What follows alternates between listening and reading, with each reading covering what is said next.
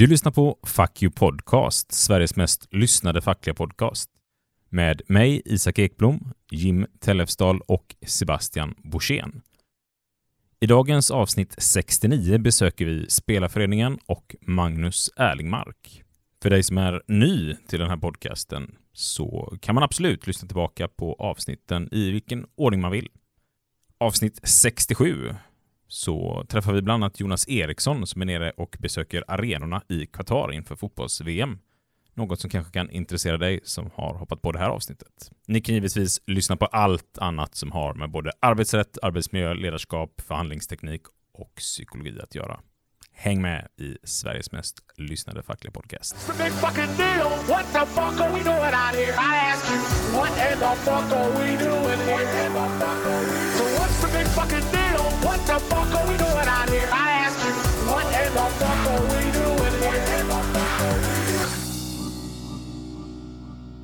Och då sitter vi här i studion med dagens gäst som inte är någon mindre än Magnus Erlingmark. Och egentligen tycker inte jag och Jim som Blåvitt-supportrar att man behöver ge dig någon presentation.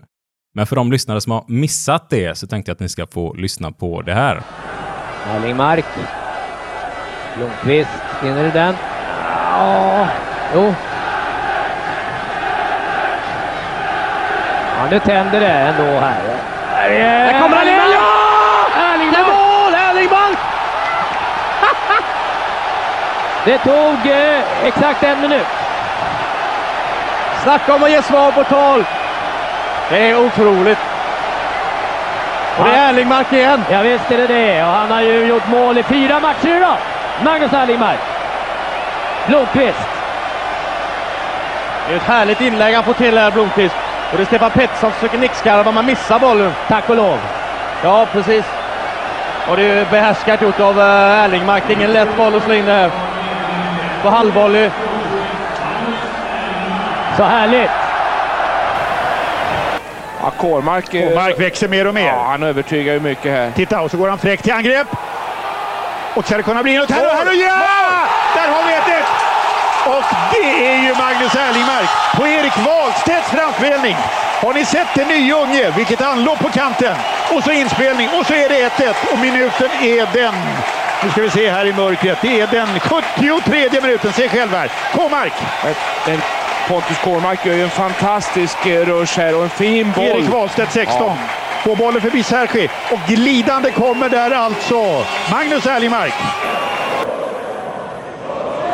Pressade här bra och får det fint in till stolpen men eh, inga större problem för Andreas. Men Större problem nu. ja, det är mycket större problem. Ja. 1-0. Magnus Erlingmark. Andreas Isaksson går upp, får inte tag på bollen och jag tycker inte att det är några oschystheter. Det tycker förstås en del djurgårdare i samband med den här situationen. Men han tappar helt enkelt ner bollen och Magnus Erlingmark håller sig framme och slår in 1-0 till IFK Göteborg. 37 A-landskamper, en EM-semifinal och i din senaste landskamp så fick du med dig ett VM-brons hem från USA. Fyra gånger fick du lyfta guldpokalen i allsvenskan och du blev inröstad i årets, eller i århundradets änglaelva till och med. Och årets ärkeängel blev du 1997. Och under ett par år så spelade du kontinuerlig Champions League-fotboll och blev gruppsegrare ur en grupp med Manchester United, Barcelona, Galatasaray och ni slog dem allihopa. Hur tänker du på din spelarkarriär så här i efterhand? Alltså jag är, jag är lyckligt lottad som har fått vara med i lag som har liksom haft de här framgångarna och så vidare. Självklart också kunna bidra till, till dem. Det önskar man ju att andra spelare här i, i Sverige fortsatt ska få göra. Då. Malmö har ju gjort det bra senare, senaste 5-10 åren och så vidare. Men, men eh, det, det blir ju tuffare och tuffare. Konkurrensen är stenhård där ute. Och det är mycket pengar som styr. Wikipedia man dig så står det att du kan spela alla positioner kunde du spela på. Men det stämmer inte riktigt. Varför du... Thomas Ravelli lyckades du aldrig peta. Nej, inte i Göteborg, men jag, stod faktiskt i mål eh, typ en kvart i Allsvenskan när jag spelade i Örebro, just mot Göteborg. Faktiskt. Ja, det är så till och med? Ja, så då har du spelat varenda position man kan Ja. i princip i Det- professionell fotboll? På den tiden när man bara hade två avbytare. Eh, Det var ju, jag förstår att det var väldigt länge sedan. Idag har man väl sju avbytare, och 18 totalt i, i truppen till en match. Så att, eh, det var lite annorlunda då. Men sen så något år efteråt så kom den tredje avbytaren och det var just målvakter. Då. Så man hade en, en målvaktsavbytare plus att man hade två andra avbytare. Och jag tror senast jag var och kollade på fotboll faktiskt, så var du på planen. Det är så pass länge sedan är det jag var på en match live i, i Sverige ska tilläggas. Och det var länge sedan kan jag säga. Men inte svinlänge sedan ändå va? Så gamla har vi inte blivit än. Nej.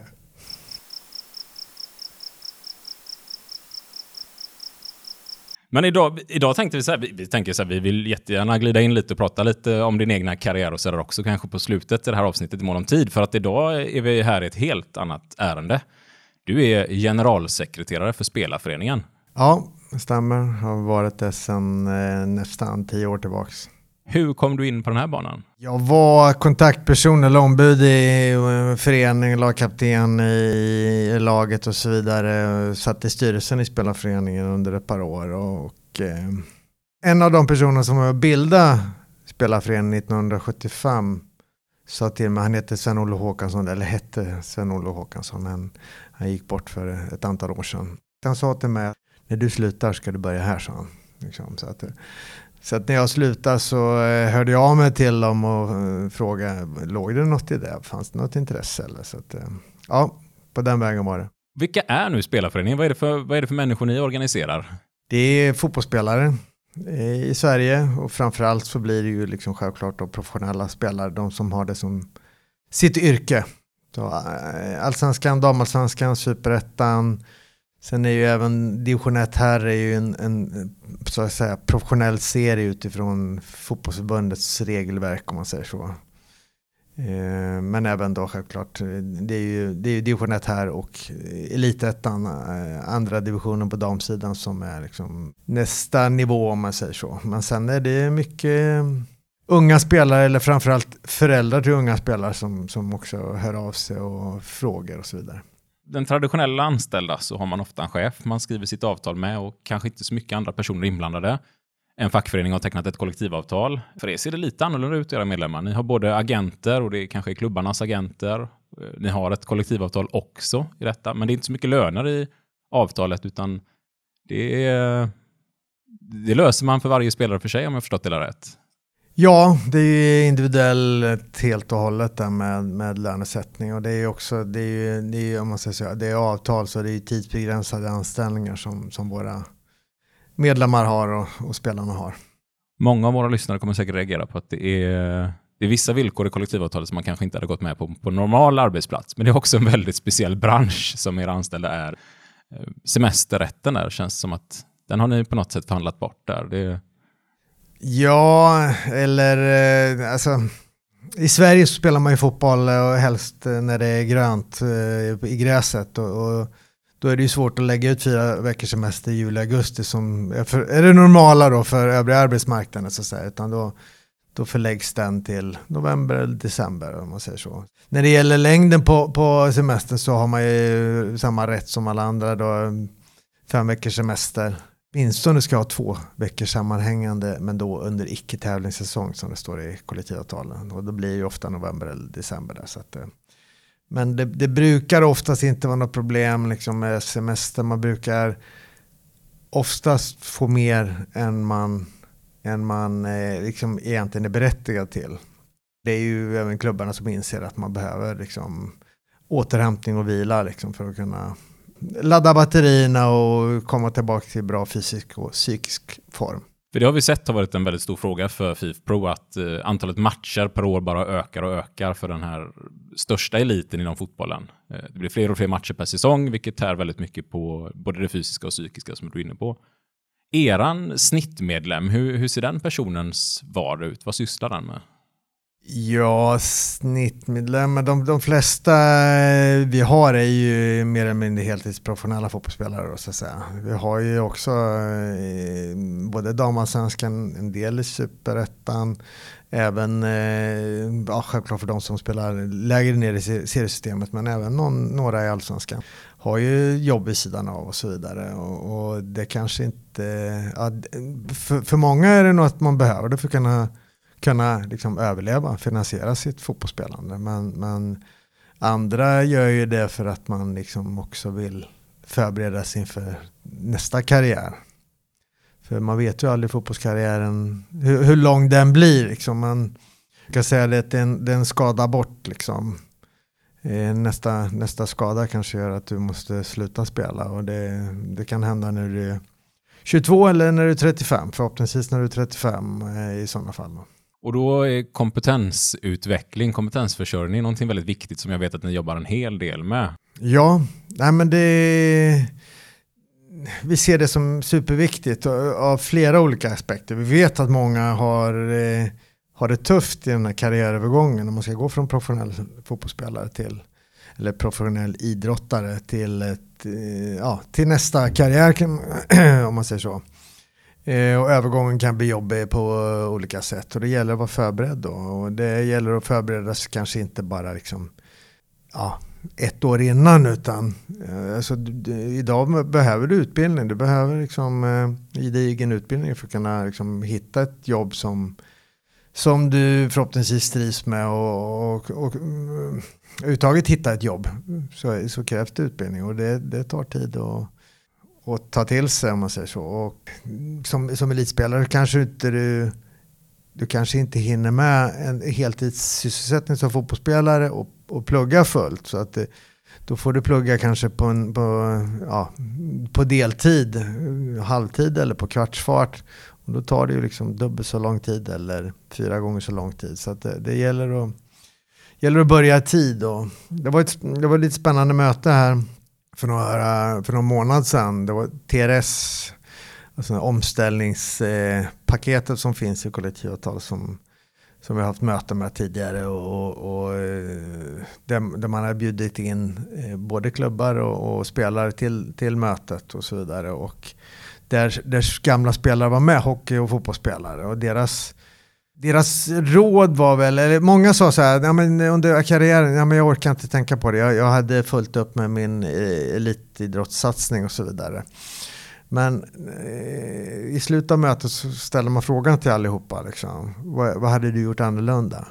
Och det genomgående svaret var att jag skulle ha börjat tidigare med min omställning. Förberett mig mycket tidigare. Eh, det finns massor av undersökningar också som, som, som visar på att, att, att göra någonting annat vid sidan av din elitidrott så presterar du även bättre som elitidrottare. Du är inte bara elitidrottare, du är någonting annat också när du kanske är skadad, när det kanske inte går så bra, så har du någonting annat som du liksom, ja, du tappar inte ditt värde om man säger så. Alltså. Ja, vi har pratat lite på om självkänsla och det kanske är ett viktigt steg att man bygger upp en starkare självkänsla eh, så att man inte bara är sin prestation utan att man är lite mer än sin prestation bara. Ja men precis, för att det är ju, det är ju så väldigt prestationsbundet. Du är aldrig, aldrig bättre än din senaste tävling eller din senaste match. Liksom. Det är ju det är så. Liksom. Det, det är en kamp varje dag, för, liksom, eller varje vecka och få, få komma med i laget eh, nästa söndag. Få supportrar kanske som har förståelse för att man har en dålig dag på jobbet? Och...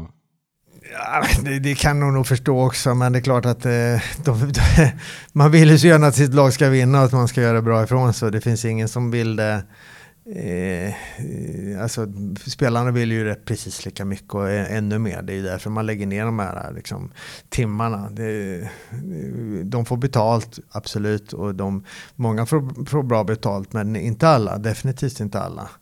Eh, så att eh, du måste brinna som fotbollsspelare. Gör du inte det, då kan du lika gärna lägga av. För att det, det är så små marginaler det handlar om.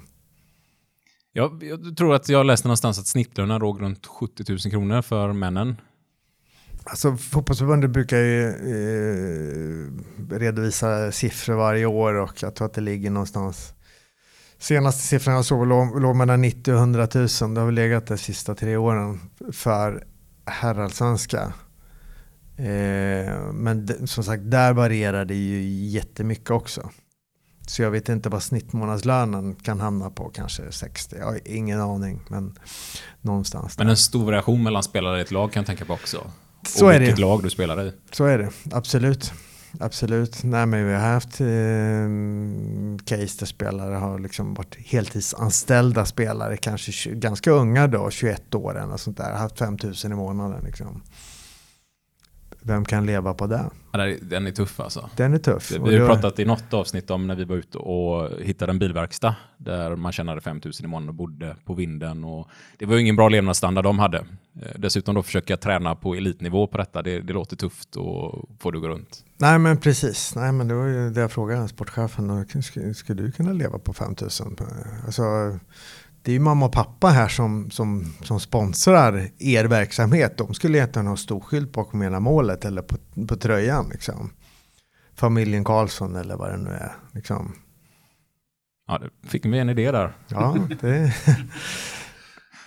ja, men det är, ju, det är ju rätt sällsynt i och för sig då. Ehm, de flesta som blir upplockade i, i, i lagen och, och där man krävs att träna exakt när arbetsgivaren säger liksom dagtid.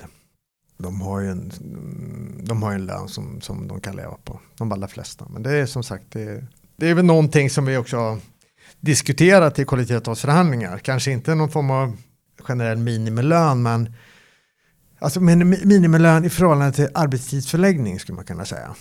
Det är helt okej, har vi inte pengar, ni ska kunna bedriva elit, elitfotboll i alla fall, men, men betalar ni upp till den här nivån, ja men då får ni inte börja träna förrän före tre på dagarna.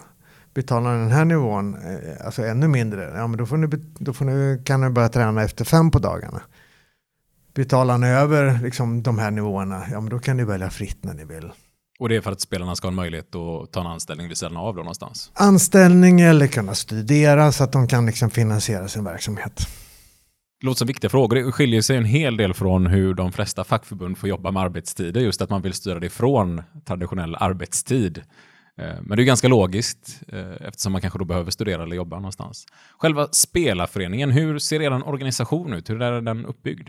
Det är ju medlemmarna och sen så har vi ett årsmöte varje år eh, dit man bjuds in och där ombuden då i respektive förening har, har rösträtt och så vidare. Eh, dock så ska man ha tio medlemmar i sin förening för att man ska ha rösträtt. Sen så består styrelsen, så röstar de fram en styrelse som består av, jag tror idag är det nio, tio eller möjligtvis elva personer då. Och där minst 51 procent ska vara aktiva spelare. Så vi har två representanter från, från allsvenskan, två från damallsvenskan, en från superettan, en representant från respektive landslag, dam här. Och sen så eh, har vi andra positioner då i, i styrelsen också då, där vi har någon aktiv spelare. Och sen så är det andra då som har varit före detta spelare som, som sitter på andra kompetenser som är bra. Alltså det är ju generellt svårt att, att samla liksom spelarna. Man spelar i olika tider, tränar olika tider, kors och tvärs. Så att det, ett, ett, ett, ett ganska vanligt styrelsemöte sker på Teams. Det sker klockan nio på kvällen, mellan nio och tio, nio och elva, något sånt där. Eh, för att vi ska liksom, då har man hunnit komma hem, man har hunnit lägga barnen och förhoppningsvis har man liksom prickat en dag då ingen, ingen spelar på kvällen också. Då, så, att säga. så, att, eh, så ser det ut. Och sen så har vi ju ett gäng eh, anställda också då. Vi har dels har vi en fem, fem stycken som är eh, anställda, vi har en konsult också då som, som hjälper oss med juridiska frågor. Och vi har lite blandat deltid eh, och heltid bland de vi har. Och sen så har vi också ett, ett nytt koncept med, med ambassadörer som vi har börjat jobba med. Där vi försöker täcka in landet där, där varje ambassadör är ansvar för, för eh, klubbarna i sitt område. Och det ska vara ganska så lokalt och, och skapligt nära att liksom kunna träffa dem. Och de är i dagsläget åtta. Så småningom så, ja, ja, vi har en nionde på ingång och jag hoppas att vi ska bli ännu fler. Men det, tanken med ambassadörerna är egentligen att kunna komma, komma medlemmarna och spelarna ännu närmare. Att vara där lite, lite oftare och vara där lite längre. Kanske inte ha så mycket att, att liksom säga till dem. Jag kanske gör någon undersökning, någon, någon, någon eh, omröstning. Eh, men framförallt bonda, lyssna på dem. Vad behöver de? Hur, hur, liksom, hur ska vi kunna utveckla verksamheten för att kunna hjälpa och stötta spelarna på bästa sätt? Vad kan det vara för typ av frågor som spelarna har eller vill att ni ska hjälpa till med eller stötta dem i? Eller är det ju det här med, med eh, dubbla karriärer och, och, så vidare. Men det, det kan vara välmående frågor också.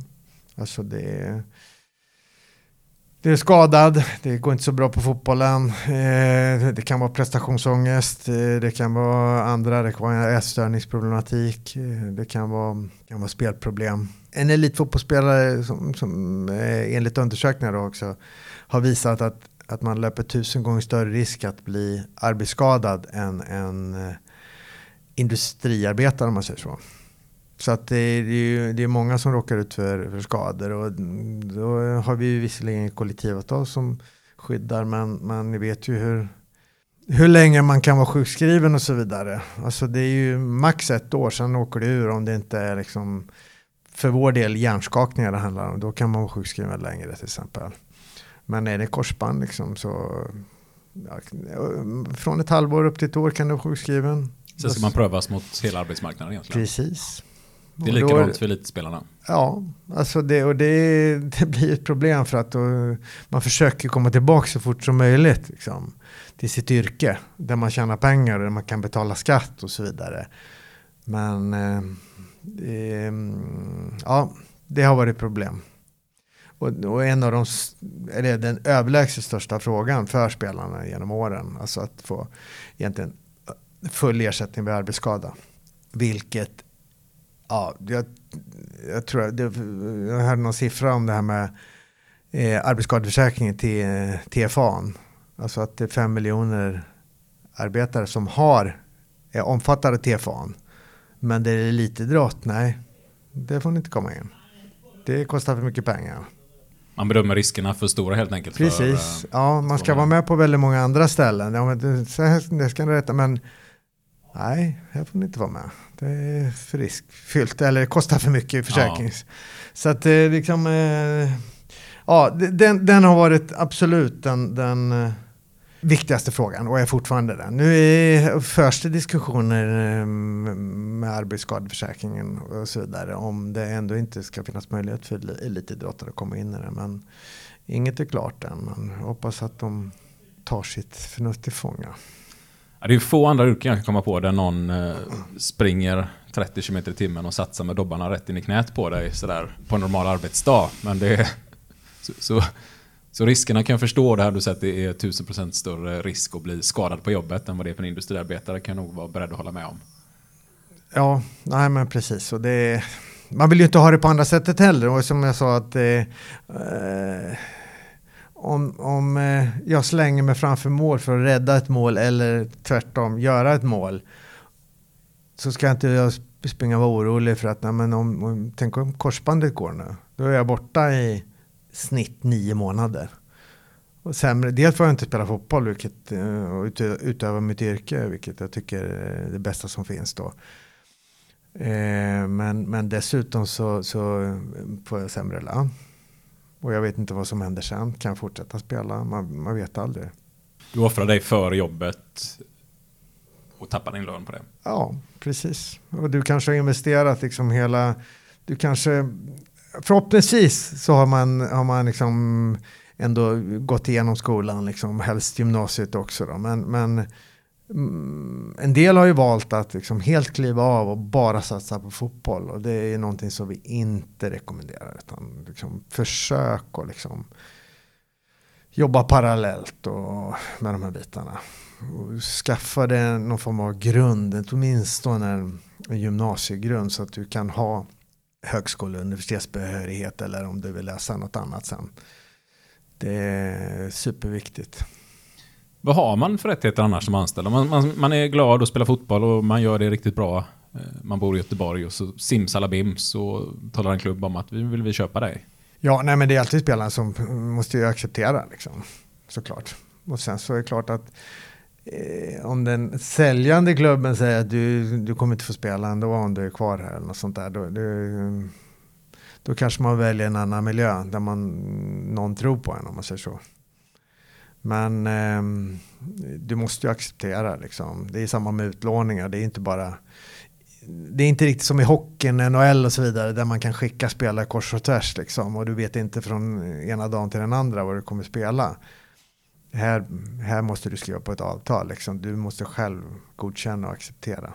Så att man är inte helt livegen i alla fall. Hur går det till då? Man, man har sin egna agent och så helt plötsligt ska man byta klubb här. Då, för man, man tycker att men det blir bra att gå till det andra laget. Man blir uppköpt. Man kanske spelar till Gais då exempelvis och vill byta klubb. Vad händer där? Ja, nej men det är väl, eh, nya klubben brukar väl, beroende på hur lång tid det är kvar på avtalet, så, så är, är, det, är det kortare än sex månader kvar på spelarens avtal så får den nya klubben gå direkt till spelaren och fråga liksom, eh, om, om, eh, ja, och förhandla med spelaren. Men, men är det längre kvar så måste man gå till föreningen och Gais i det här fallet om man säger så. Och eh, säga att man är intresserad av att, att ja, av spelaren och, och så vidare. Och då kan de ge tillåtelse att prata med spelaren i sådana fall. Har gemene spelare en egen agent då, eller är det få som har det? Hur ser det ut med det här med, för, det hör man en hel del snack om med agenterna och att de tar ut avgifter och man skriver kontrakt och lite allt möjligt där. Mm, nej, men många har nog agent på, på högsta nivån i alla fall. Det har de, det tror jag. Ehm, och eh, har du en agent så ska du ju egentligen ha ett, ha ett avtal också med med agenten. Så det är det som är, är grunden. Det, det, I med regelverket som är idag så, så kan ju agenten vad heter representera flera. De kan representera både klubb och spelare i, i, faktiskt samtidigt till och med. Men i, i, i, vissa fall så har man ju valt att, att agenten kanske man har en muntlig överenskommelse med agenten att han hjälper till och så vidare. Men så skriver agenten ett avtal kanske med föreningen istället då. Då kan agenten ta betalt av, av föreningen fast man gör jobbet för, för spelarna. Så det är ju sånt som händer emellanåt tror jag. Att man hamnar på dubbla stolar och det uppkommer en jävsituation egentligen. Ja, men precis. Men i, i det här fallet så kanske man egentligen inte... Eh, alltså man, man skriver som om att, att man gör dealen på uppdrag av, av klubben fast man rep, egentligen representerar spelarna. Så att, eh, men sen kan man ju ha liksom, åtal med, med båda och, och så vidare. Vilket vi självklart inte rekommenderar utan man ska, rekommendera, man ska ju liksom representera en part. Vad är era rekommendationer i övrigt när man väljer agent eller när man tecknar avtal med sin agent? Ja, alltså vi, vi hjälper spelarna att titta på avtal, både när de skriver avtal med, med en ny förening men också eh, med, med en agent. Så att eh, de kan få hjälp med liksom, lite second opinion om man säger så. Ja, men att, att prissättningen hamnar rätt, alltså oftast tar ju agenterna de tar ju betalt eh, i, i procent så att säga. Och vad det nu ska hamna på. Fifas regelverk säger, eller har ju sagt tidigare i alla fall, eh, en rekommendation på 3% men det är ju just bara en rekommendation. Så att jag har ju sett allt möjligt då, men från 5 till kanske 20% liksom, så, i avtal. Så att det, det, varierar ju rätt mycket och det är ju på brutto, bruttolönen också. Det ska man ju vara, vara beredd på också då. Så att eh, vi brukar inte rekommendera någon agent för den andra. Det, det brukar vi undvika. Eh, däremot så kanske vi har lite sådana röda flaggor som vi i sådana fall liksom, är det någon agent som vi vet det har strulat med tidigare så, så kan vi i sådana fall säga där då. Eh, men annars så, så är det lite personkemi och se, prata med agenten, få, be att få liksom eh, lite, prata med andra spelare som agenten har jobbat med eller klubbar. Så man får en liten ja, bra bild av hur de jobbar. Så att, eh, så att det blir ett bra samarbete framöver.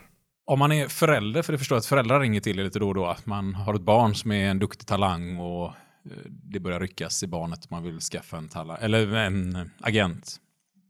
Vad bör man tänka på då?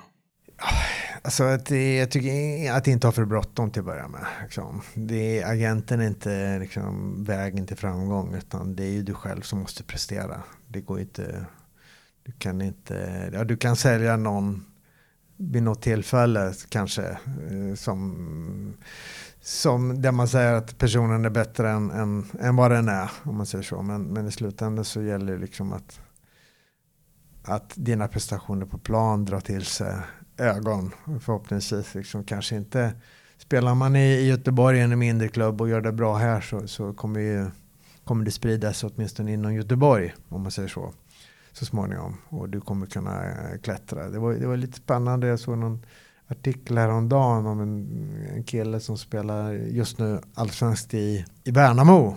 Han har väl tagit en, en liksom lite längre väg. Han har, eh, gjort det bra, spelat i, i mindre klubbar i, i i Göteborg men aldrig riktigt fått, fått chansen i någon av de större. Och sen så helt plötsligt så spelar han i Allsvenskan i, i Värnamo ett par år senare. Och det är, det är kul att, att se att det finns olika vägar till, till liksom elitfotbollen. Det finns inte bara den här akademivägen via storklubbarna utan det finns faktiskt andra vägar också som, som kan leda dit. Och bara du, jag brukar säga det liksom, älskar du fotboll tillräckligt mycket, då tränar du tillräckligt mycket, då kommer du bli tillräckligt bra. Liksom. Alltså det, talangen sitter främst kanske i, i att älska att spela fotboll och att orka träna så mycket som krävs för att bli bra. Liksom. Men det, det, är, det är väl generellt för allt kan man säga. Sina 10 000 timmar. Ja, jag vet inte om det är 10 000 timmar men, men eh, alltså det, det krävs mycket träning om man säger så. Vi har tänkt göra ett poddavsnitt här, men nu tappar jag namnet på han som har skrivit den här boken. Eh, där han har sammanställt massa idrottsforskning och för just det här med vad är talang. Jag tror boken heter Talang kanske. Eller Talangjakten. Eh, det är i alla fall en framtida gäst i podden här har vi tänkt. Det, är ett spännande ämne just det här med vad är egentligen talang och, och vad krävs det för att bli riktigt duktig på någonting. Absolut. Nej, men det är det är väl det som eh, är risken när man smalnar av det för mycket för tidigt. Liksom. Att, att, ehm, om det bara är akademivägen i föreningarna som, som är det som gäller, då är det väldigt få platser det handlar om. Då är det väldigt, väldigt många som kommer sluta alldeles för tidigt. Jag var ju, jag var ju själv tränare, liksom, var med som tränare i Sävedalen där, där sonen spelade och, och så vidare. Och det var det, killar som, som kände när de var 13. Oj, nu måste jag till en storklubb annars kommer inte jag utvecklas. Liksom. Lugn, liksom. ta det lugnt. Går du till en storklubb, ja men ni tränar kanske mer och, och så vidare. Det är ännu mer seriöst och, och, och, viktigt om man säger så. Men då kan du ju glömma att spela innebandy eller handboll. Liksom. Eller åtminstone så kan du bara träna de dagarna du inte, det inte krockar med din, din fotboll i, i storklubben. För de kommer att kräva att du är där varje dag. För de har så många på kö. Så att, eh, och dessutom så tror jag också att det, det alltså ska du ha en lång och hållbar karriär som, som vi jobbar mycket för liksom, så är det bra om du har gjort annat Eh, och inte kanske, bara, inte kanske bara sport, men, men eh, gärna andra sporter. Liksom så, så att du eh, har fått en allsidig grund att stå på.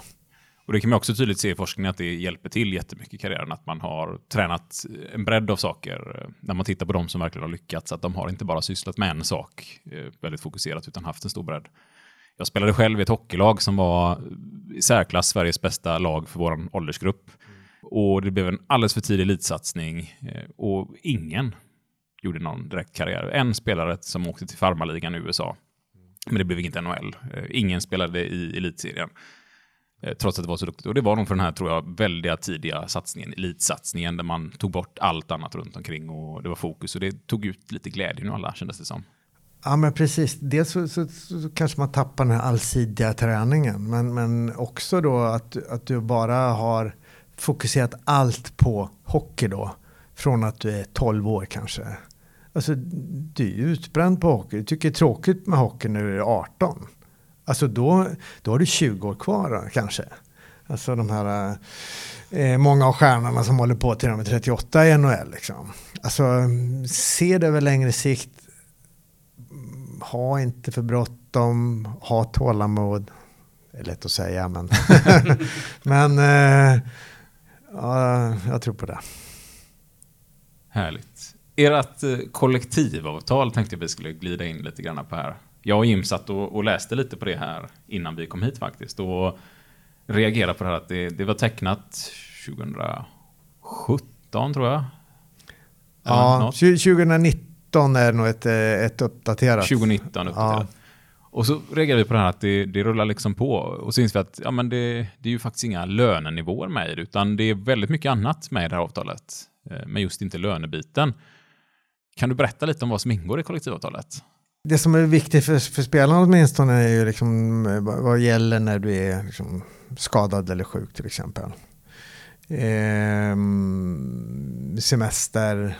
Eh, sen, så, sen finns det de här paketen kring kollektivavtalet nu med, med TRS och, och, och, så vidare, omställningsskydd. Sen är det en hel del kring, kring namn och bild, vad man får göra där, reklambitar som, som, som man som elitspelare skriver bort väldigt mycket till rättigheterna till att använda sin namn och bild. Skriver man bort väldigt mycket i klubbarna och det är väl generellt så att de, de, de, de ger det lön för att få, få de bitarna bland annat. Så att säga. Nej, men sen så är det väl, det handlar väl om vilken väg man, om man, om man blir oense, var, var ska man göra upp liksom i domstol? Och det här för fotbollsspelarna så är det skiljenämnden, fotbollsförbundets skiljenämnd som är den instans som man ska gå till. Och det anledningen är väl att den, den går fortare än att gå till allmän domstol om man säger så. Och fotbollsspelare har kort, kort karriär i förhållandevis. Nu, jag vet inte hur, vad, vad, vad slutåldern är för spelarna men, men eh, har du tur kan du väl ha på till en 35-40. Ja, det är sällsynt att se spelare komma upp i 40-årsåldern. Det är några få räknade på hög nivå som man eh, då och då kan vara. Hur, hur länge spelade du själv? Jag slutade när jag, efter när jag var 36. 36 så jag fick möjlighet att hålla på länge. Då. Men det är väl kanske målvakter som nu är väl Andreas Johansson i, i Halmstad där som eh, har en kropp som håller fast han är fyllt 40 nu. Då, så att, eh, och han har förlängt sitt avtal tror jag två år eller något i den stilen. Så, så att det, det är en bedrift, det kan jag säga. Det var, det var, eh, sista åren var det lite jobbigt att gå eh, på morgonen efter match och gå ner för trappen till källaren och duscha faktiskt. Det, det, var, det var ingen vacker syn. Det är så vi vanliga dödliga känner varje dag. ja. Ja, men när vi ändå är inne på det här med rättighet till bild och namn. Jag vet att ni, eh, vi pratade lite här innan om det här med tv-spel och fotbollsspel och sånt där. Där är ni också inblandade och hjälper till och skriver kontrakt med spelare och... Ja, men alltså de här Fifa-spelen som finns, eh, som de kanske inte kommer heta Fifa framöver för att Fifa tar, vill ta för mycket betalt för sin logga och sitt namn. Eh, där är det så att FIFPro som är internationella spelarorganisationen ber spelarorganisationerna ute i världen, 65 typ medlemsländer, att eh, samla in namn och bildrättigheterna på spelarna för att kunna användas i spelen. Så att det, det, det görs i, i eh, ja, de flesta länder. Sen är det inte alla länder som är med i, i spelen då, men, men, i Sverige så är allsvenskan faktiskt med då, till exempel. Och sen är ju landslagen, har ju varit med tidigare också då. Ni har också varit eh, lite av en stridsorganisation, eh, kanske inte riktigt, men 2012, då la ni ett strejkvarsel. Ja, det gjorde vi. Och eh, vi hade hållit på och förhandlat eh, ganska länge och eh, det hände liksom ingenting. Eh, motparten var inte särskilt intresserad överhuvudtaget. Eh, Kom ofta oförberedda till mötena. Inget ingen agenda, egen agenda, utan eh, tomt papper i princip. Där det stod nej på.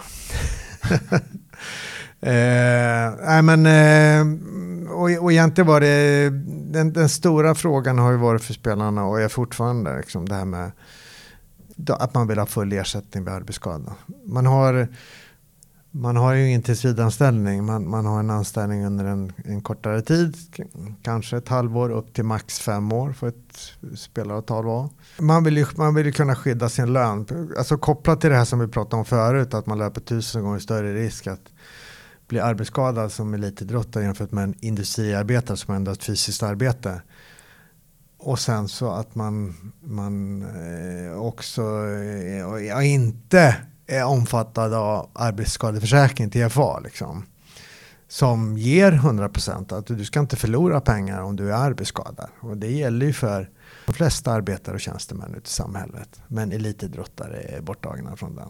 I många andra länder så är det full ersättning oavsett. Liksom. Du har ditt avtal och då får du betalt även om du är sjuk. Eh, till och med om du är sjuk om man säger så. Så att inte bara om du är, du är skadad. Så att, eh. Men på arbetsgivarsidan har man ju har man ju då, det, det som kom ut av det är ju bättre försäkringspaket. Men man, man vill ju absolut inte bli ha någon form av garantier att man måste kliva in själv som arbetsgivare och betala liksom, lön för en spelare. Om, om spelaren då till exempel blir utförsäkrad och så vidare. Det är någonting som man absolut inte vill veta av. Ehm, så att det, det för då, då, riskerar man att smitta liksom andra branscher med det här då, menar man på. Men Eh, så att, så att det ska gälla som för alla andra. Men man får inte vara med i TFA. Man får inte vara med i arbetsskadeförsäkringen för det kostar för mycket pengar. Så det är inte som för alla andra? Ändå. Nej, det är inte det. Så att det är det som är så märkligt. Det är när man, när man själv tycker att eh, det ska vara som för alla andra. Då funkar det. Men, men eh, inte, inte i andra fall. Och jag, innan jag kom hit så såg jag det som en självklarhet. Att jag trodde att skadar sig spelarna på match så är det klart att de har sin lön under tiden de är skadade. Men så ser inte verkligheten ut. Nej, man har ju, det, är ju liksom samma, samma upplägg i princip kan man säga som ITPS sjukförsäkringssystem där med att de första 14 dagarna om du är arbetsskadad så har du 100 procent. Eh, sen är det ju 90 procent från dag 15 till 90 och då är det klubben som ansvarar för, för att fylla upp det som eh, Försäkringskassan inte betalar. Sen Sen kliver ansvaret över till försäkringarna. Då. I, i för fotbollsspelarna på här sidans fall så är det SCB som är försäkringsgivare om man säger så.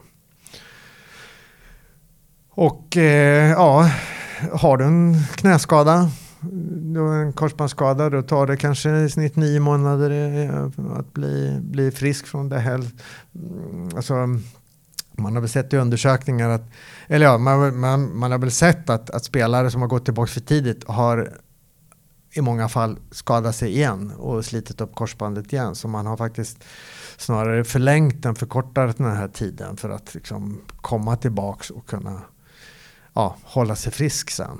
Att inte gå tillbaka för tidigt. Eh, men eh, Försäkringskassan där, de, de prövar ju redan efter sex månader. Liksom. Ja, okej, okay, du kan inte spela fotboll men du kan göra något annat. Så att, eh, då är risken att man åker ur försäkringssystemet och då täcker man inte av försäkringar heller.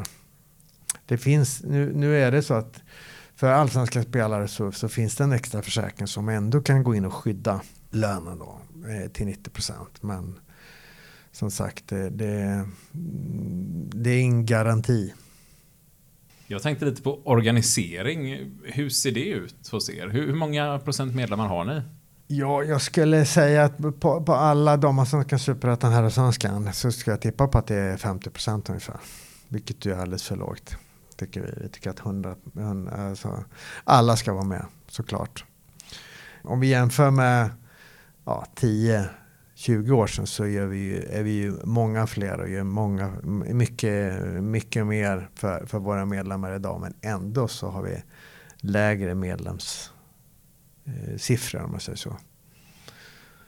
Så att det, är, det är en superviktig fråga för oss. Att vi behöver bli mer där. Eh, vad, vad det beror på exakt, svårt att säga. Alltså fotbollen har blivit mer globaliserad och kanske inte lika angelägen om att, att vara med i en eh, uh, spelarorganisation när du kommer utomlands ifrån möjligtvis.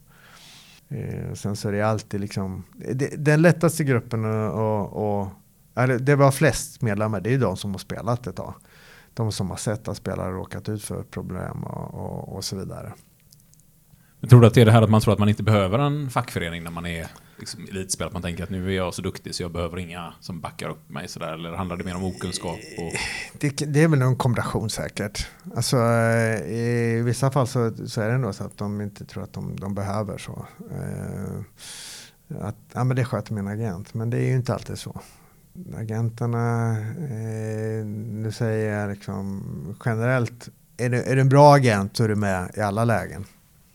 Är du en sämre agent så är det där när det skrivs avtal bara. Och sen så lämnar du spelaren vind för våg i övrigt om man säger så. Gå till gå och inkassera 200 eller vad det är i Monopol. Ja men precis. Nej, men, och, och det, det, det visar, vi, vi har ju inga, vi har ju inga liksom,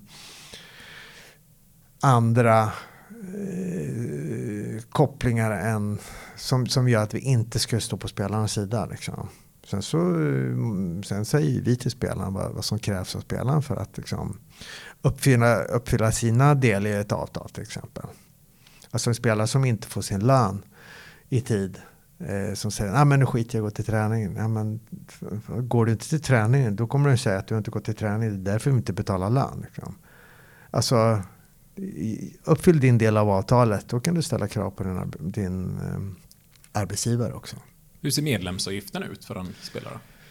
Vi har ändrat i medlemsavgiften. Det kostar 600 spänn per år att vara medlem. Per eh, år? Per år. Det var ingen hög eh, avgift kan man säga. Precis. Så det är ingen kostnadsfråga då i alla fall att man Nej, jag vet inte vad betalar man i metall? Lika mycket i månaden eller? Ja, men på närmare i alla fall. Ja, i alla fall kan man ja. säga. Då ingår ju a-kassan i det i och för sig. Och en olycksfallsförsäkring. Ja, just det. Ja, men precis. Nej, men, och sen så har vi, alltså för spelare som tjänar över 19 000 som då, då ingår även en hemförsäkring i deras. Så det då är det 1600 per år. Mm.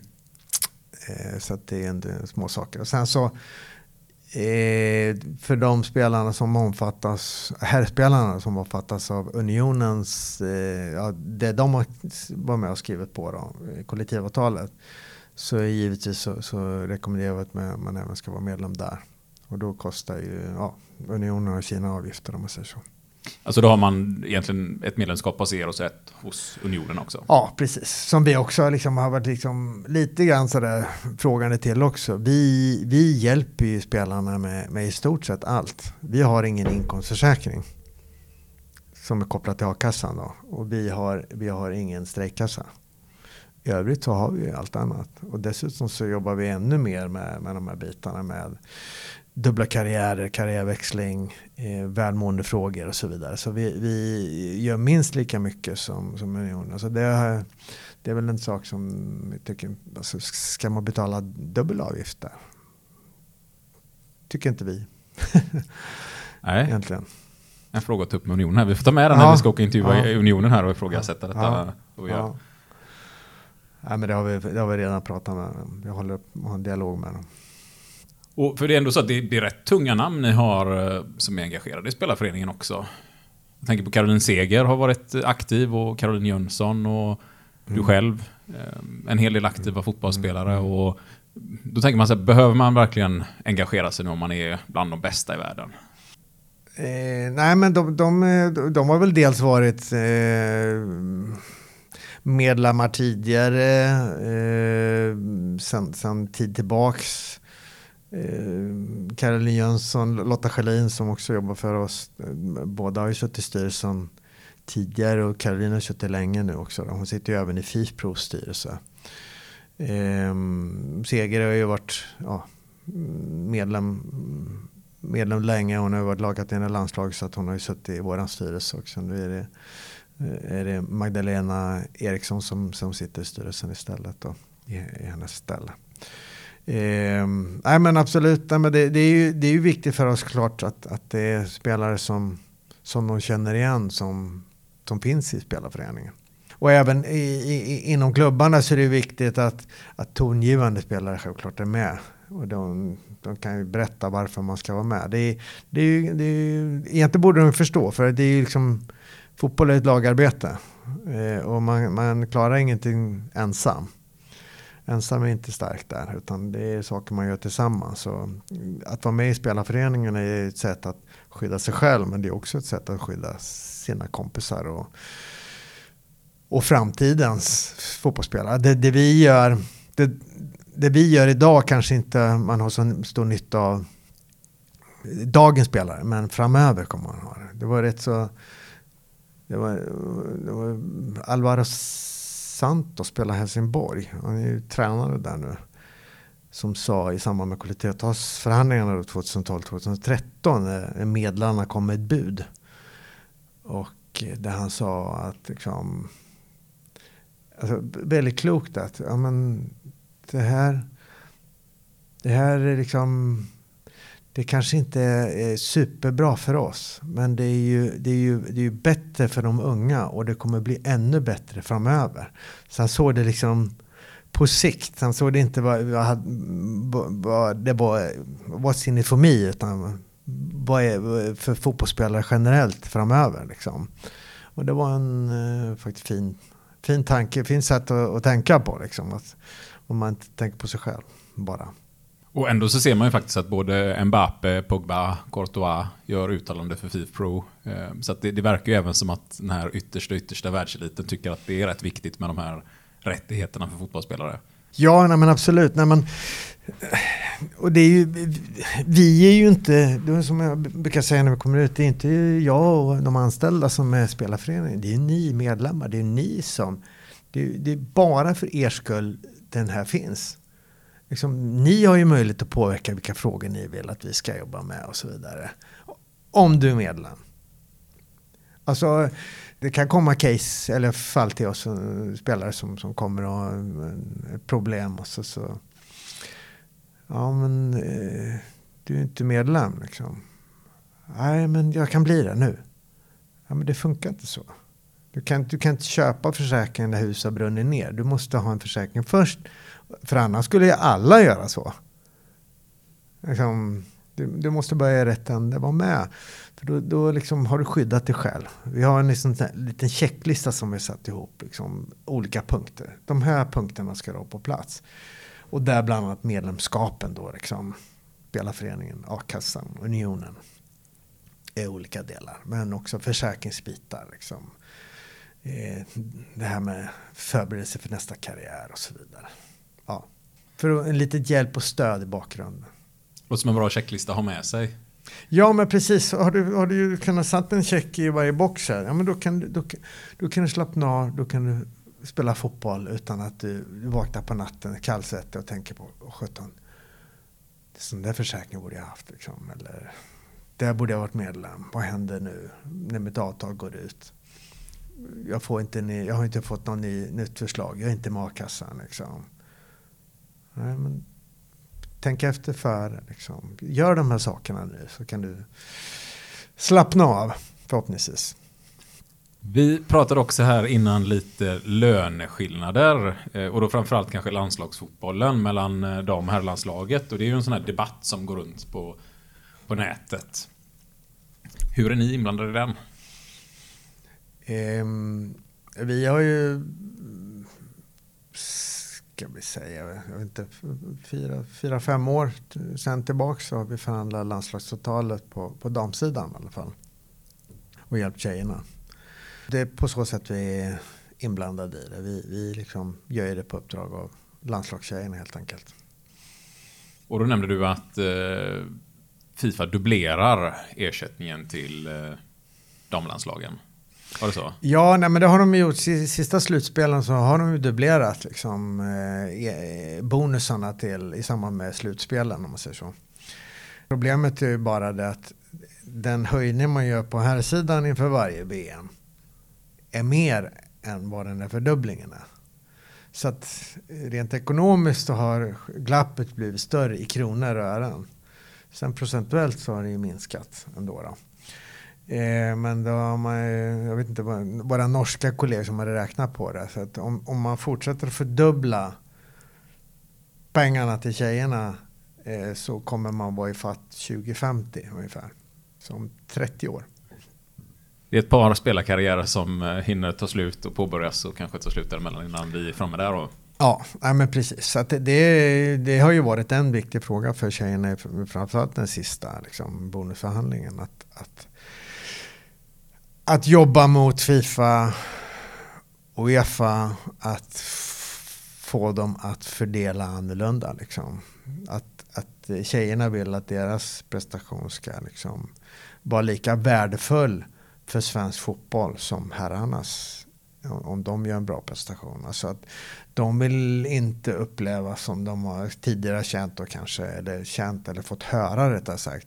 Att de är en kostnad utan de vill kunna bidra. De, precis som herrarna där när herrarna går till ett VM. Då dimper in 100 miljoner till, till Svenska fotbollsförbundet. Liksom. Självklart får herrarna en, en del av det, då, men mycket av det går ju till fotbollsförbundets möjlighet att utveckla svensk fotboll, liksom, ungdomsverksamhet och så vidare. Där, det är ju, den, den är en viktig fråga för dem. Så, och sen så, ja, det, det, har ju gått fort. Det har utvecklats eh, på damsidan på, på väldigt många olika sätt. Och, eh, ska du hänga med på här sidan så lär du ha ett damlag liksom också. Eh, och, och, och även ungdomsfotboll. Liksom.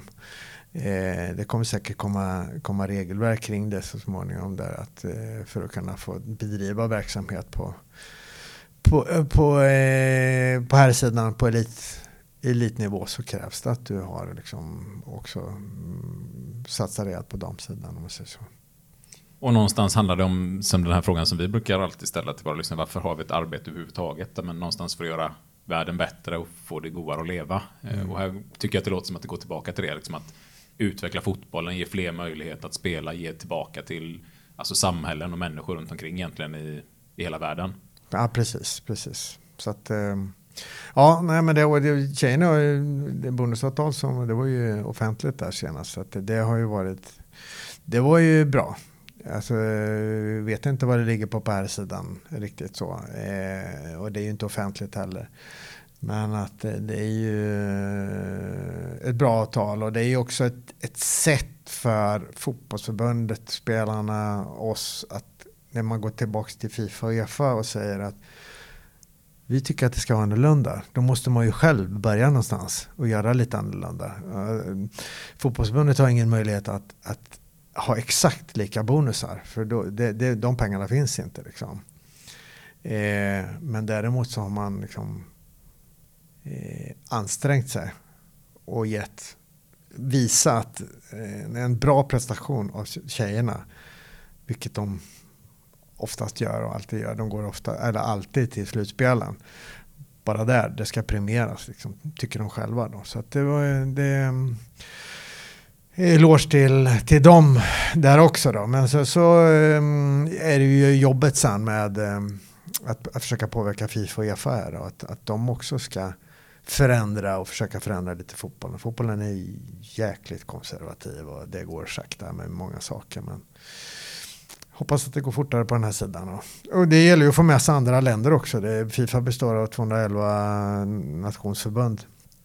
Så det gäller ju att, att få med sig fler länder på, på tåget i sådana fall om det ska kunna bli till en förändring. Ja, och sedan jobbar ni en hel del med både rasism och psykisk ohälsa och allt som hör där till, till fotbollen också. Ja, ja men precis. Vi har väl eh, började vi med vi, den här kampanjen Ge rasism, ge eh, rasism rött kort började vi, jag tror det var typ 2010 eller något i den Jag kommer inte ihåg riktigt. Men eh, det var ju, man var ju i England, sen så var det Norge som startade upp det. Så att det, det är ju ett, liksom, ett pågående projekt egentligen. Vi hade årlig kampanj i samband med, med matcher. Eh, där varje hemma var, varje hemmalag hade en match liksom så, där man genomförde den här kampanjen. Och, ja, läste upp en text, visade upp kortet. Men det handlar ju framförallt om att alla ska på något sätt. Mm, alla, alla former av trakasserier, liksom, det är nolltolerans mot det. Eh, och att eh, fotbollen är ju en, en, en bra, i alla fall gällande rasism, en bra liksom, spelplats i och med att den är så, så eh, global om man säger så. Det är, I varje lag så hittar du folk från stort sett alla världsdelar. Liksom så. Eh, och att den är så, så eh, komplex på det sättet. Sen så eh, gällande andra bitar gällande det med homofobi och så vidare. Det, det, eh, det är klart att på, på här sidan saknar vi kanske förebilder eh, inom elitfotbollen då. Och, och eh, om det är för eh, att det är någon form av machokultur eller om det är något annat som gör att man eh, alltså, att det inte finns lika många som, som, som är homosexuella inom herrfotbollen eller att, att man inte väljer att ja, man törs inte helt enkelt liksom, eh, gå ut med det. Alltså det, är, det är någonting som vi fortfarande inte vet. Men, men en öppenhet med, mot, med, för, för olikheter, liksom, det är viktigt. Men det är ju det är massa områden vi jobbar med. Det är liksom den här matchfixing-frågan också som, är, som vi jobbar, jobbat med under, under ganska många år. Liksom. Eh, att, att försöka liksom uppmärksamma spelare på det. Och det, det har vi egentligen gjort långt innan både förbund och, och, och klubbar eh, drog igång arbetet med det.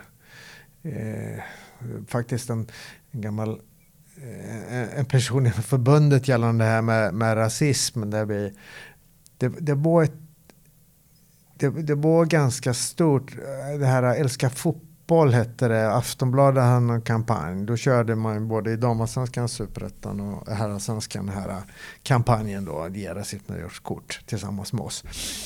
Eh, men nästa år då när man ska köra den så mm, nej, det var inte aktuellt. Då gjorde man det som en engångsgrej då så att säga. Och, mm, fick faktiskt en, en, reflektion från, från förbundshåll, en person där som sa att nej men vi har inget problem med rasism här liksom. Alltså varför, eh, liksom genom att eh, flagga med det här så skapar man ju mer rasism än vad man liksom. Så att, eh, ja. Det finns lite att jobba med där helt enkelt. Det finns, ja, men det finns det väl på alla håll och kanter. Då. Men, men efter det, jag tror det här var 2000, kan det vara 2013 eller något sånt där efter det så kör, har vi kört kampanjen själva. Och sen så började förbundet med alla lika, eller alla, alla olika, olika är bra, den kampanjen.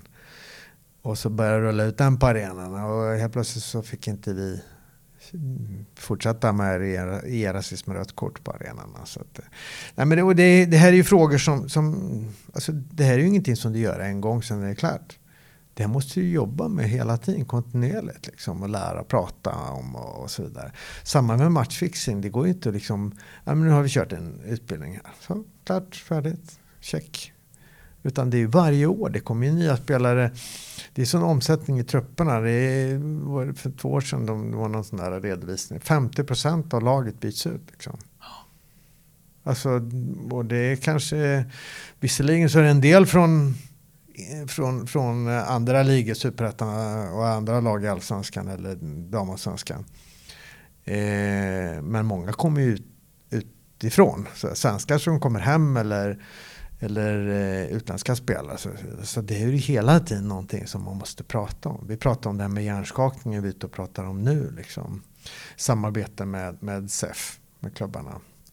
Att uppmärksamma och få spelarna att förstå och ta ansvar för och hur viktigt det är. Korsbandsskada den är jätteallvarlig. kan vara jätteallvarlig. Du kan få sluta spela fotboll. Men du kan göra något annat. Men en riktig hjärnskakning kan göra att du inte kan göra någonting. Att, att vara liksom aktsam där. Och, alltså får du en hjärnskakning och du sätts in på plan igen då kan du till och med dö om du får en till smäll. Alltså så, så illa är det. Så att det, det, är viktigt. Och spelarna är ju alltid den som är, de är alltid först på plats om någon har råkat ut för en smäll. De kan ju se om spelarna har varit borta till exempel. Du behöver inte vara borta, alltså avsvimmad för att ha fått en hjärnskakning. Men, men där också att hjälpa varandra. Jag har faktiskt ett case när jag pratade med en spelare som när vi hade den här genomgången och sen så sa han då under, under mötesgången hade jag fått den informationen innan hade jag aldrig låtit våran spelare, en kompis som råkade ut för en smäll i huvudet, gå in på plan igen. För jag såg att han var borta. Mm. Och det här var en tid innan. Liksom. Och medicinska team, när de kom in så hade, hade han kvicknat till. Det var inga problem. Han svarade på frågan och så vidare. Och de satte in honom. Men sen gick spelaren ut i alla fall för han mådde inte bra efter typ fem minuter. Men han sa det, hade jag, hade jag fått den här utbildningen innan så hade han aldrig gått in. Det hade jag sagt till honom, eller sagt till fysteamet. Han sätter inte in, så är det bara. Liksom. För där är det ju en press både på tränare, på spelare och på laget i allmänhet. Har man gjort alla sina byten och man åker på en hjärnskakning eh, sent in i matchen så, så är det klart att alla vill att man någonstans ska chansa om det går. För att liksom inte vara en man kort i slutet av matchen. Där diskuterar man i Premier League om att eventuellt tillåta ett extra byte vid huvudskador eller Mm. Eh, att kunna byta in en ersättare och sen byta in den huvudskadade efter en ordentlig undersökning. Är det saker ja. ni tycker hade varit en bra... Ja, men, absolut. Jag vet inte exakt vilka former så, men, men eh, det, det, har man väl diskuterat att ha en sån här liksom, extra avbytare under tio minuter eller liknande för att liksom, ja, om det nu räcker, alltså med tio minuter för att kunna i lugn och ro liksom bedöma om spelaren kan få släppas in igen eller inte. Men det är ju någonting som Fipro jobbar väldigt mycket med på, på internationell nivå och liksom försöker påverka då Fifa och IFAB som de heter som är det organ i, i världen eller organisation i världen som, som eh, bestämmer över regelverket för fotboll. jag tror att fotbollen, den är inte så olik mycket av det andra. Det är, det är vissa saker, alltså andra arbeten, eh, till exempel i, en verkstad eller vad det nu än kan vara, eh, eller, ett sjukhus. Det, det är liksom, stora skillnaden är väl att det är liksom lite mer regelbundna arbetstider. Det, det är eh, jag tror att en, en, en eh, psykologisk press som, som eh, vi upplever har ökat jag spelade, vi pratade om det, fram till 2004. Alltså då fanns det ju ingen Facebook eller någon sån här grejer. Sociala medier. Alltså bara den biten med eh, liksom man kunde få en överkorsad, överkorsad geting i Expressen. Liksom. Det var ju, eh, kanske man inte gick på stan där efter att man fått stryk på 5-0. Men eh, alltså, här är du bevakad ja, 24 timmar om dygnet liksom, hela tiden liksom, som, som elitspelare och så vidare. Så att, eh, och bedömd också, upp på tvärsen och korsen och tvärsen. Liksom, så. så att eh, det, det är nog en eh, betydligt större press att, att hålla på med elitidrott idag än vad det var, var förr. Men i övrigt så är det väldigt mycket likt tror jag. Liksom, eh, vanligt, vanligt yrke. Ja, det är få gånger man hittar sig själv i tidningen med en överkryssad geting ens. Eh, så där kan jag tänka mig att det är någon stor skillnad. Ja, ja det, var, det, var, det var kul. Jag fick en fråga faktiskt från Mats Olsson. Han var, eh, skrev i Expressen. Eh, jag skriver fortfarande Expressen tror jag. Eh, han, han, det var en landskamp mot Schweiz. Träningslandskamp. Frågan med, liksom, vad, skulle du, vad skulle du säga om du fick en etta? Liksom, så. Ja, vad ska jag säga? Det är inte min business liksom. Det, det, är inte mitt jobb, jag har inga åsikter. Då var det en överkrossad geting. Istället dagen efter. Så det, ja, men det, det ska man vara stolt över att ha fått det. Det tycker ja. jag man ska vara. Ja. Om vi tar och avslutar lite med, med din egna karriär. Vad, när du tänker tillbaka på din egen karriär, vad är de starkaste ögonblicken du har? Ja, alltså det, det är många roliga ögonblick. Alltså med hela ungdomsfotbollen. Jag är uppväxt i, i Örebro och spelade i en, i en klubb som heter BK Forward. Som, som var uh, väldigt duktig på att utveckla liksom, fotbollsspelare. Ta de fotbollsspelarna. Jättefin verksamhet. Och jag spelade där ända upp till A-lagsverksamheten. Var med dem och gick från eh, eh spela upp dem från gamla division 3 som är typ division 1 idag till motsvarande superettan. Eh, så det är klart att eh, kvalet där och, och liksom få vara med hela vägen där. Jag bytte till, till Örebro Sportklubb. Vi gjorde 89. Vi kom typ 3-4 där första tre åren. Som nykomlingar. Eh, också bra år och kul, kul år. Och sen så Göteborg när jag kommer dit så fyra raka SM-guld liksom, man kommer dit. Det var ju därför man bytte. Liksom. Och självklart så förstod man att det skulle bli tuff konkurrens och, och så vidare. 94 var det sju spelare från IFK Göteborg i, i, i VM-truppen till exempel. Så att det är klart att det var, det var som Stefan Lindqvist, han som vår gode vän som gick bort i Alzheimer här, eh, eller ALS eh, för, för eh, ett par år sedan sa att eh, det var ju tuffare på träningarna än vad det var på matcherna ofta. Eh, men sen också självklart de här möjligheterna till Champions League.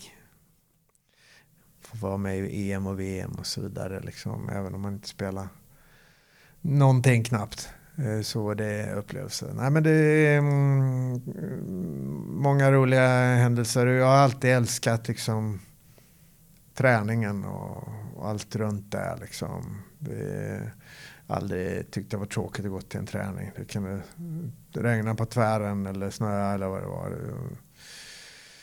Kul att komma till träningen och kul att träffa kompisarna och omklädningsrummet och så vidare. Så att, eh, nej, och, och all den, allt det man har liksom fått, fått lära sig. Liksom, eh, hur det är att jobba i grupp liksom. Och I en fotbollsgrupp på något sätt. Det, i ett fotbollslag så, så det ställs på sin spets där liksom på något sätt. Alltså det, eh, det, det är direkt kommunikation kan man säga så. Det är liksom inte inlindat. Man kan inte på en plan stå och säga det till sin kompis som spelar högerback att kan inte du, liksom, du flytta upp några meter så utan det blir en direkt order. Liksom.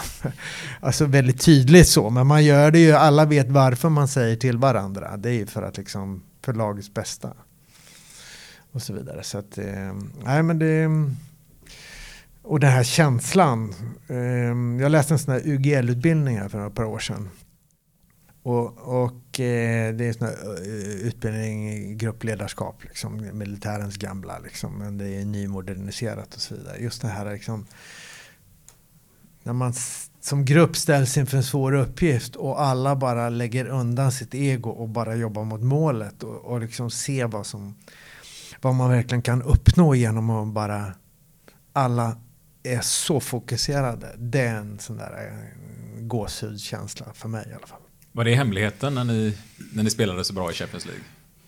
Ja, men det var det nog. Liksom. Alla, alla gjorde jobbet för, för laget och så vidare. Och är det så att inte man, man hade dagen så gjorde man jobbet för någon annan som kunde glänsa och göra, liksom, hade dagen. Alltså det var ju våra sätt att kunna konkurrera. Liksom. Vi, eh, kollar man spelare för spelare så självklart så var de flesta eller lag vi mötte bättre. men eh, liksom det här tillsammans eh, och ha en tydlig idé och liksom alla förstår den och accepterar den. Det är viktigt. Vad var störst för dig då? Var det Champions League-matcherna där när ni lyckas slå både Manchester United, Barcelona? Eh, var det ungdomsmatcherna eller var det VM-bronset i USA?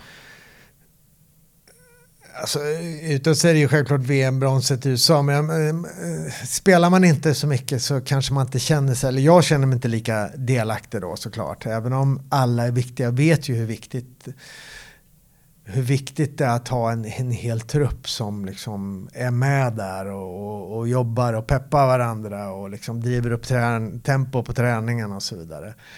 Eh, men det är klart att eh, den Champions League 94 den är svårslagen.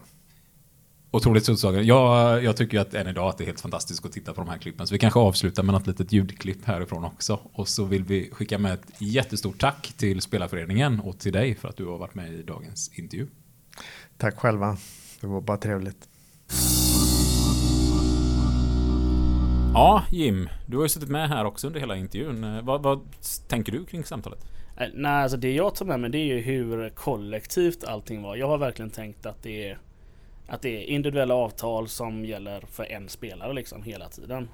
Um, nej, jag var faktiskt förvånad över hur uh, hur mycket kollektivt och hur, hur, lik verksamhet de har oss egentligen. Vi passade ju även på att prata lite innan och lite efter intervjun här också. Och uh, ja, men en, en, grej som jag tyckte var jätteintressant som tyvärr inte kom med i podden här, det var det här med arbetsskor.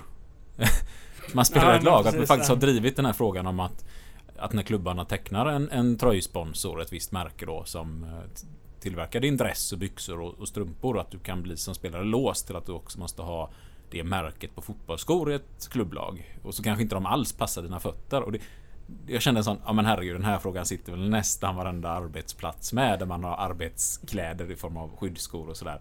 Att eh, rätten att kunna prova ut ett par skor som passar liksom. Eh, så det är intressant att se att det liksom finns med hela vägen. Eh, att det är så mycket som är likt och även det här med medlemsantalet. Vi kommer ju också från en bransch du och jag där många har valt yrket som en hobby. Ja, man tycker det är roligt helt enkelt. Ja, och, och då kanske inte känner samma intresse för att engagera sig fackligt som det kanske är om man är på en arbetsplats där man känner så här manad att men här måste vi verkligen göra något för att få till förändring.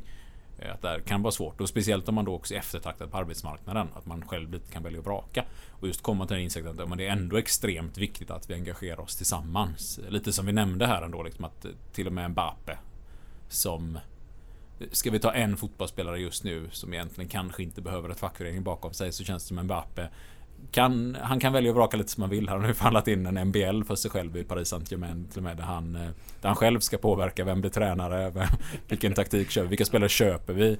Så han har lyckats förhandla fram en väldigt bra fackförening för sig. Jag hoppas att han lyssnar på sina medspelare också när han går in där som en riktig fackrepresentant. Eh, nej men skämt åsido liksom, men även han ja, är med i ett fackförbund liksom. Och det är någonting man kan ta upp med de här som tycker att jag kan nog företräda mig själv.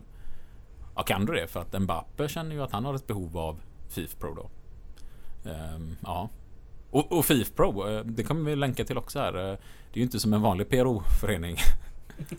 det är, Pro, det står för någonting annat där än vad vi är vana ja, Det är nog de professionella fotbollsspelarna va?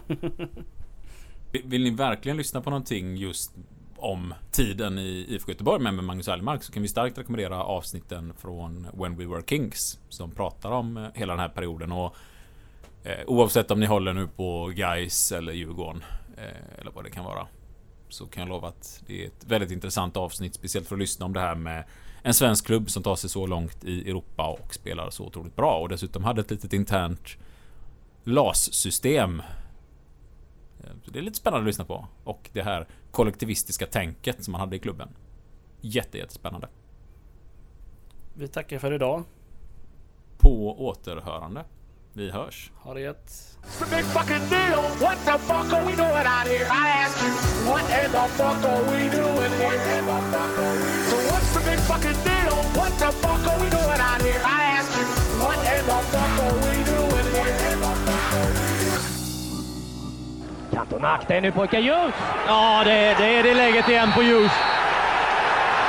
Det är som jag sagt tidigare, hans drömläge komma i mitten och dra på volley. Är, han är fruktansvärt säker på det och man får inte lov att lämna honom i det läget. I den 19 minuten av andra halvleken så sitter den där när Mark Hughes får tillfälle på en underbar passning. Och det är en härlig skarv av Cantona som ser Hughes komma upp, smyga upp bakom. Och det är väl lite grann av deras styrka. De, de här två kompletterar varandra ganska bra och ser vilka löpvägar de sticker och så. så att, lite orättvist är det väl tyvärr. Jag tycker att IFK Göteborg har varit det bättre laget, men eh, de har dragit sig tillbaka lite. Wahlstedt. Erlingmark. Blomqvist. Vinner du den? Ja, jo. Ja, nu tänder det ändå här. Där kommer han in!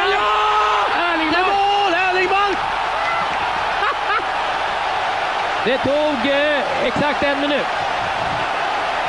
Snacka om att ge svar på tal! Det är otroligt. Och det är Erlingmark igen. Ja, visst är det det. Och han har ju gjort mål i fyra matcher idag. Magnus Erlingmark. Blomqvist. Det är ett härligt inlägg han får till här, Blomqvist. Och det är Stefan Pettersson som försöker nickskarva, man missar bollen. Tack och lov. Ja, precis. Och det är behärskat gjort av eh, Erlingmark. Det är ingen lätt boll att slå in det här på halvvolley. Så härligt! Visst, fin dragning. Den där bollen är perfekt. Pettersson. I mitten är Wahlstedt, men han är alldeles ensam. Får hålla i bollen Pettersson. Han gör det bra Red! Oj, oj, oj, oj, oj, oj, oj! Har ni sett? Ålandsfödd Ren kommer som en blixt. En hal ål faktiskt. Ja, det är en underbar räddning. Får han lite bättre träff på bollen så... Där åkte en av våra mickar i backen, men det förlåter vi. Där är han borta, målvakten. Ren Gör ett jättejobb. Sticker Blomqvist. Där är Blomqvist! Där är Blomqvist! Får han straff? Det är straff! Det är straff!